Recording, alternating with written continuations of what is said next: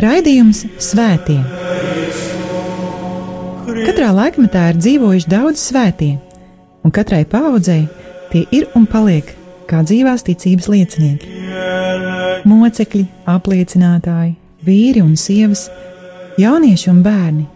Svētie ir tik dažādi, gluži kā mēs, bet ir kāda īpašība, kura visus svētos vieno. Viņi mīlēja, mīlēja Dievu un cilvēkus.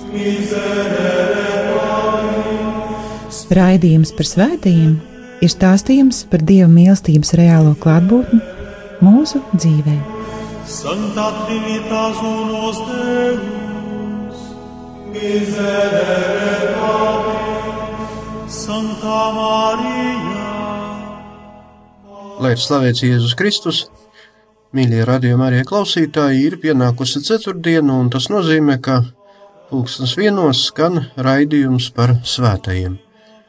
Pie mikrofona esmu es, Priesteris Večuslavs, un šajā pusstundā, turpinot mūsu tikšanās ar bērnu un jauniešu svētajiem aizbildniem, stāstīšu par trim svētajiem, kuri dzīvoja dažādos laikos, bet eh, kurus vieno viena īpašība viņi ticēja uz Dievu un mīlēja Dievu. Stāstīšu par ministrantu svēto aizbildni, svēto akolītu Tarcīziju, tad par svēto Aloizu Gonzagu un svēto Staņislavu Kostko.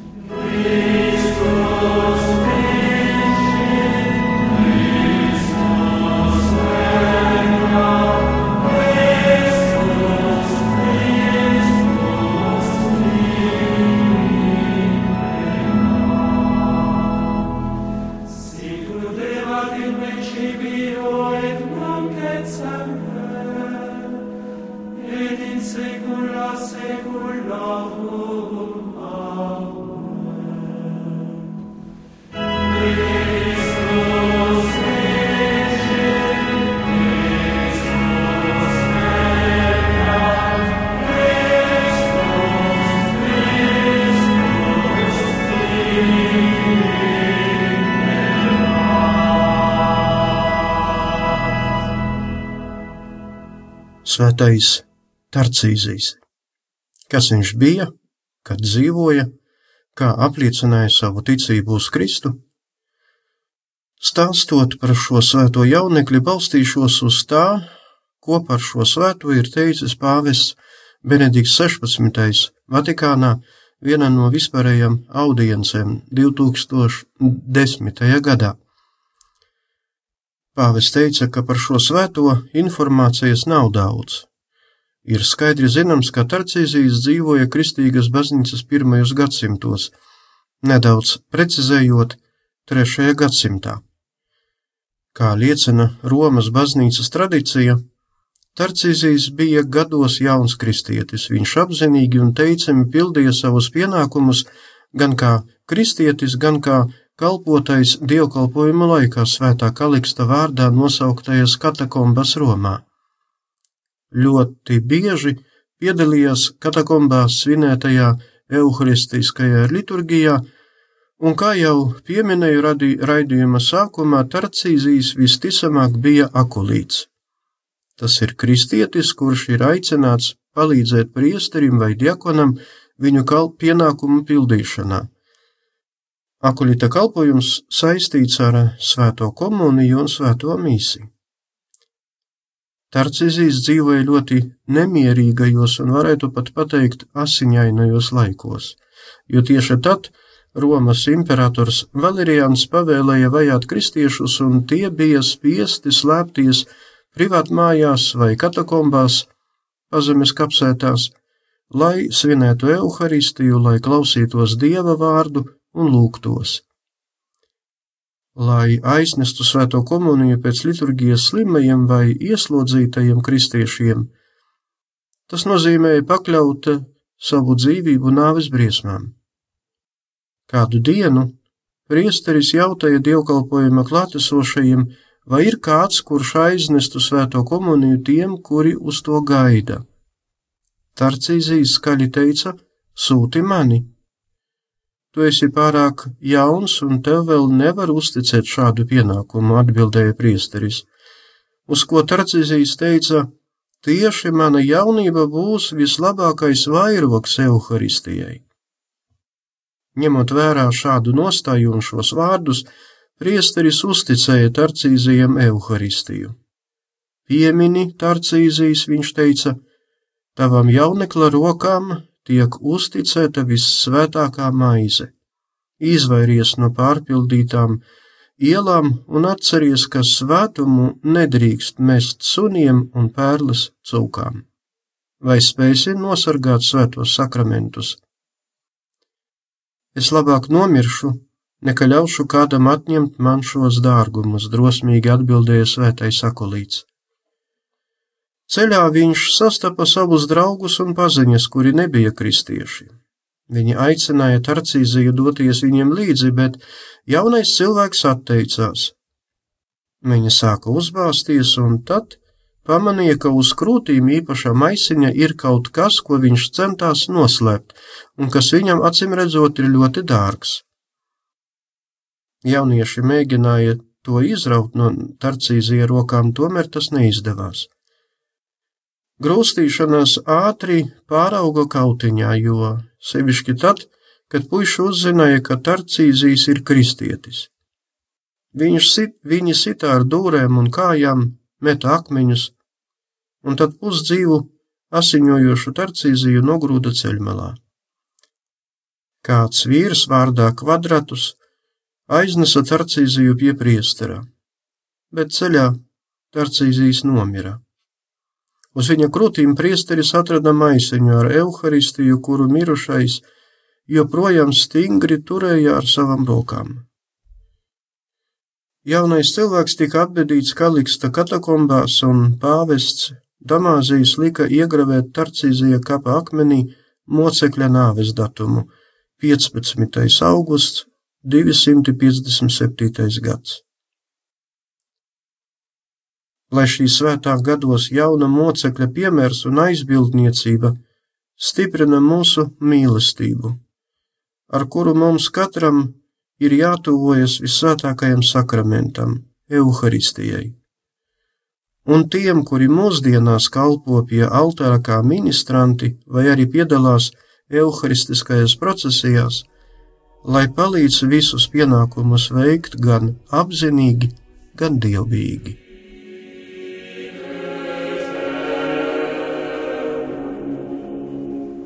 So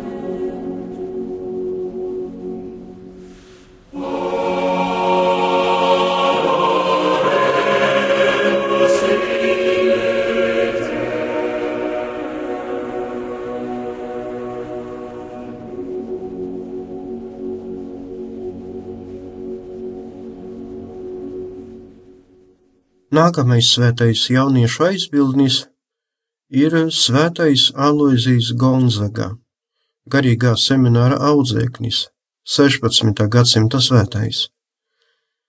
Alois bija pirmais bērns ievērojamas Ziemeļa Itālijas grāfu dzimtas ģimenē. Piedzima 1568. gada 9. martā. Viņa vecākus sauca par Ferrante un Martu. Par vecākiem varētu vēl piebilst, ka viņa salauzājās Madridē, karaļa Filipa II kapelā.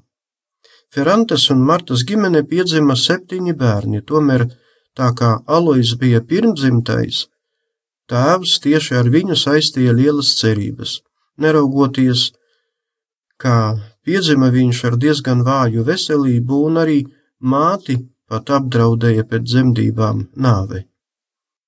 Vecāki pieņēma lēmumu doties svētceļojumu uz Loreto, ja gan māte, gan bērns paliks dzīvi un atveseļosies. Tas tā arī notika. Trīs gadus vēlāk, kad kristiešu karaspēks jūras kaujā pie Lepanto 1571. gadā uzvarēja Osmaņus. Tēvs, kurš pats piedalījās kaujā, ieģērba trīsgadīgo Aloizu bruņinieku tērpā un paņēma dēlu, lai piedalītos uzvaras svinībās. Septiņu gadu vecumā Alois, kā viņš pats to liece, par to liecina, piedzīvoja patiesu atgriešanos pie dieva. Pēkšņi viņš sajuta šīs pasaules vērtību tukšumu to, ka viss ir pakļauts iznīcībai, un viņa sirdī iedegās nerimdamās ilgas pēc dieva. Kopš tā laika Alois iemīlējās lūkšanā. Katru dienu kopā ar rīta un vakara parastajām lūkšanām Alois stāvēdams uz ceļiem lūdzās septiņus gandarīšanas psalmus un lūkšanas dievmātes godam. Tēvs īpaši nebija sajūsma par to, un lai, kā viņš pats teica, izārstētu savu dēlu no dievbības, viņš paņēma Aloizu sev līdzi uz lielkņaza Franciska Mediči pili, lai iemācītu dēlu galma manierēm. Tomēr varēja viegli redzēt, ka Aloizu vairs neinteresē pasaulīgais. Alois labprāt uzturējās Florences diamātes svētvietas svētnīcā, un tieši tur, diamātes kapelā, Alois valdnieka bagātību mantinieks atteicās no pārtikušas un bezrūpīgas dzīves un salika šķīstības svētsolījumus. Kā liecina Aloiza dzīves apraksti, kā pateicību par to, no dieva viņš saņēma īpašu privilēģiju viņš nekad neizjada kārdinājumus pret šķīstību. 1580. gadā Alois saņēma pirmo svēto komuniju. Svēto mīsi toreiz svinēja svētais Kārlis Boromejs. Tā paša gada rudenī Alois kopā ar ģimeni pārbrauca uz Madridi. Viņam toreiz bija 12 gadi. Viņa garīgā dzīve kļuva ar vien bagātāka, Alois iegrima svētā Pētera kanīzija sarakstītajās grāmatās, viņam ļoti patika lasīt svētā Ignata no Lojolas garīgos vingrinājumus. Ikdienišķā lūkšana ilga piecas stundas. Beigu beigās Alois iestājās Jēzuītu ordenī.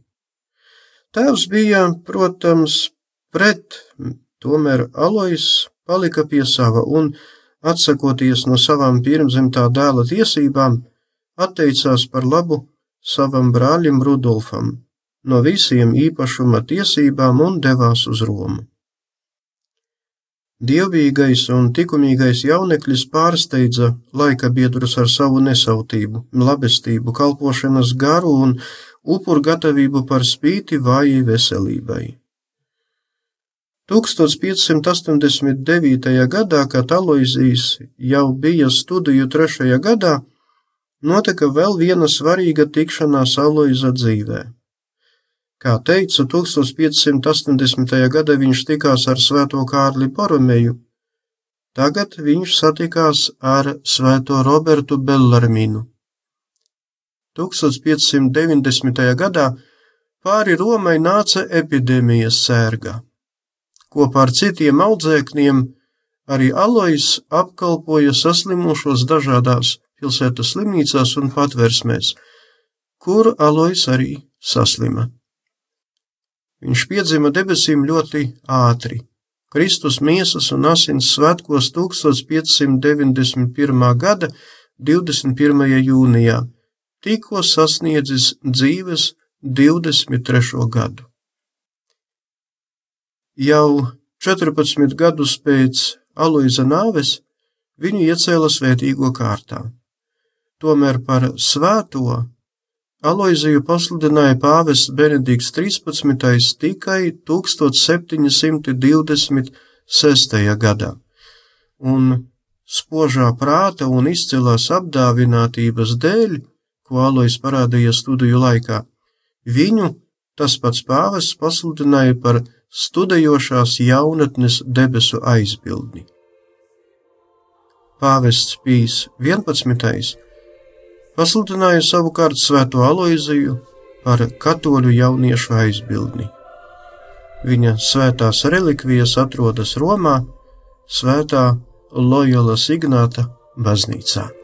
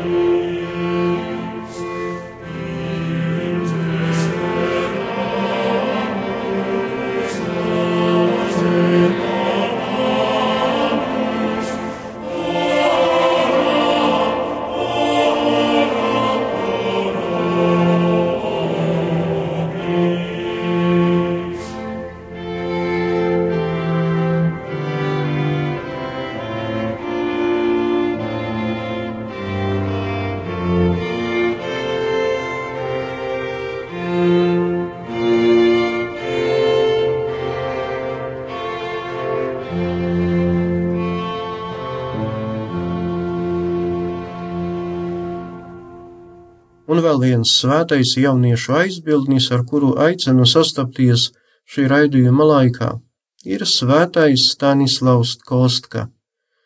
Arī jezuīts, tāpat kā svētais Alois, par kuru stāstīju pirmīt, arī šīs svētais ir 16. gadsimta svētais, viņš ir arī garīgā semināra audzēknis un arī katoļu jaunatnes aizbildnis. Stanislavs Koska ir dzimis Polijā Rostkovas ciematiņā 1550. gada oktobrī. Vecāku sauca par Jāni un Margaritu. Stanislavam bija vēl trīs brāļi un divas māsas. Vecāki bija diezgan stingri, pat asi un pārāk prasīgi, audzinot savus bērnus, tomēr bija arī ļoti dievbijīgi un dievbijībai, pacietībai, pieticībai un cieņai mācīju savus bērnus. Par Stanislava bērnību maz kas ir zināms, tomēr ir kāda nianse.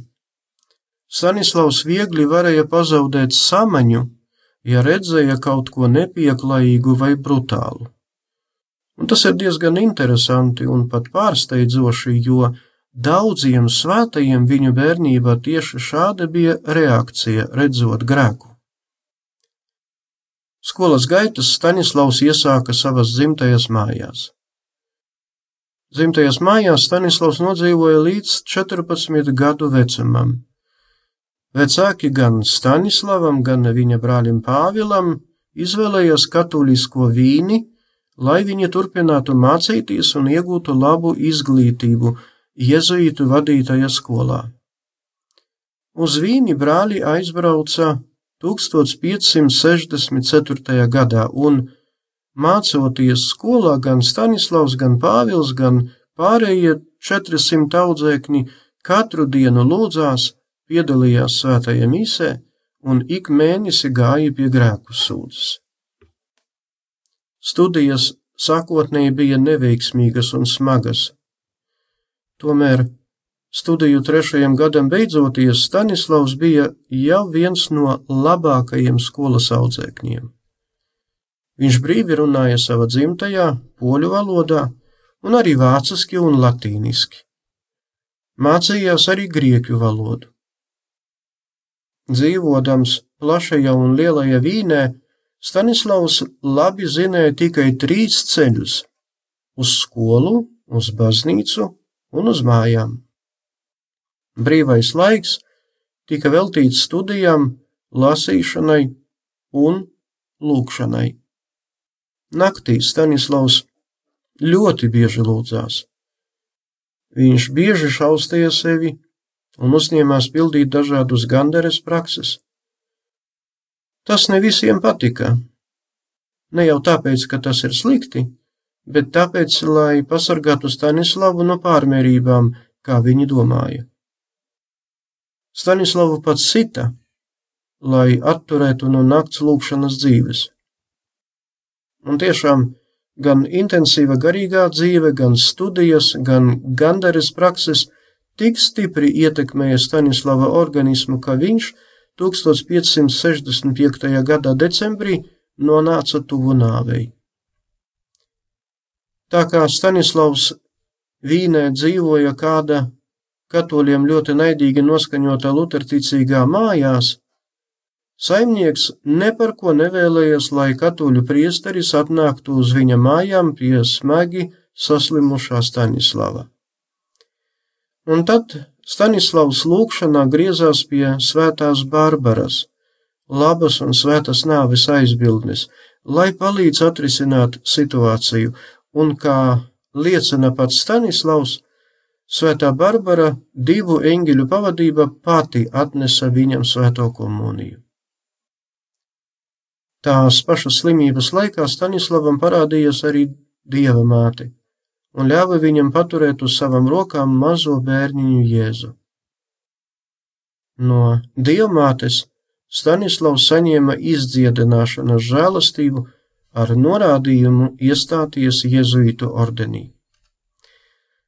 Tas savukārt nebija viegli izpildāms, jo vecāki bija pret, bet ordenis bez vecāku piekrišanas nevienu kandidātu nepieņēma. Un Stanislavs lai varētu iestāties iezītu ordenī, nolēma aizmukt no Vīnes uz Augsburgu un no vecāku kontroles. Tas notika 1567. gada 10. augustā. Lai aizturētu Stanislavu, viņam pakaļ devās divi viņa ģimenes kalpi. Viņš paslēpās no tiem meža biezoknī. Vēlāk viņu panāca paša brālis Pāvils. Stanislavs izlikās par ubagu, un brālis viņu vienkārši neatpazina. Beigu beigās aizmukšana no vīnes vainagojas ar to, ka Stanislavs nu jau Romā iestājās Jēzuītu ordeņa noviciātā. 1568. gadā Stanislavam tika ļauts satikt, salikt pirmos ordeņa svētsolījumus. Tajā pašā gadā, 10. augustā, Staņislavs uzrakstīja vēstuli Dievmātei un ielika to kabatā pie krūtīm. Pieņemot svēto komuniju, viņš lūdza svēto Laurenciju, tās dienas aizbildni, lai palīdz viņam aiziet no šīs pasaules tieši Dievmātes debesīs uzņemšanas svētkos, un šī lūkšana tika momentāli uzklausītā. 14. augusta vakarā Staņislavs jau bija nonācis neizskaidrojamā bezspēkā. Staņislavs palūdza uzlikt viņu uz zemes, viņam iedeva rožu kroni, kā viņš pats pateica, dievmātes īpašumu, un tad, lūkšanas laikā viņa seja kļuva gaiša, un viņš iegāja svēto saimē tieši 15. augustā. Svētais Stanislavs Kostka ir pirmais jēzuīts, kuru iecēla svēto kārtā. Pāvests Klemens 11. izdeva kanonizācijas dekrētu, 1714. gadā tomēr pašu iecelšanu svēto kārtā izdarīja pāvests Benedikts 13. 1726. gadā svēto kārtā viņš iecēla gan Stanislavu Kostku, gan Aloizu Gonzagu, par kuru stāstīju pirms pāris mirkļiem. Svētā Stanislava Kostkas relikvijas atrodas Romā, Svētā Andreja baznīcā. Lai šo svēto jauniešu aizbildņu dzīves stāsti mūs stiprina ticībā, paļāvībā un mīlestībā, mīlestībā uz Dievu un mīlestībā uz līdzcilvēkiem. Lai ir slavēts Jēzus Kristus! Kyrie eleison. Raidījums Svētie. Katrā laikmetā ir dzīvojuši daudz svētie, un katrai paudzei tie ir un paliek kā dzīvās ticības liecinieki. Mocekļi, apliecinātāji, vīri un sievas, jaunieši un bērni. Svētie ir tik dažādi, gluži kā mēs, bet ir kāda īpašība, kura visus svētos vieno. Viņi mīlēja, mīlēja Dievu un cilvēkus. Raidījums par svētījumiem ir stāstījums par Dieva mīlestības reālo klātbūtni mūsu dzīvē. Santa Trinitas unos Deus, miserere Santa Maria, ora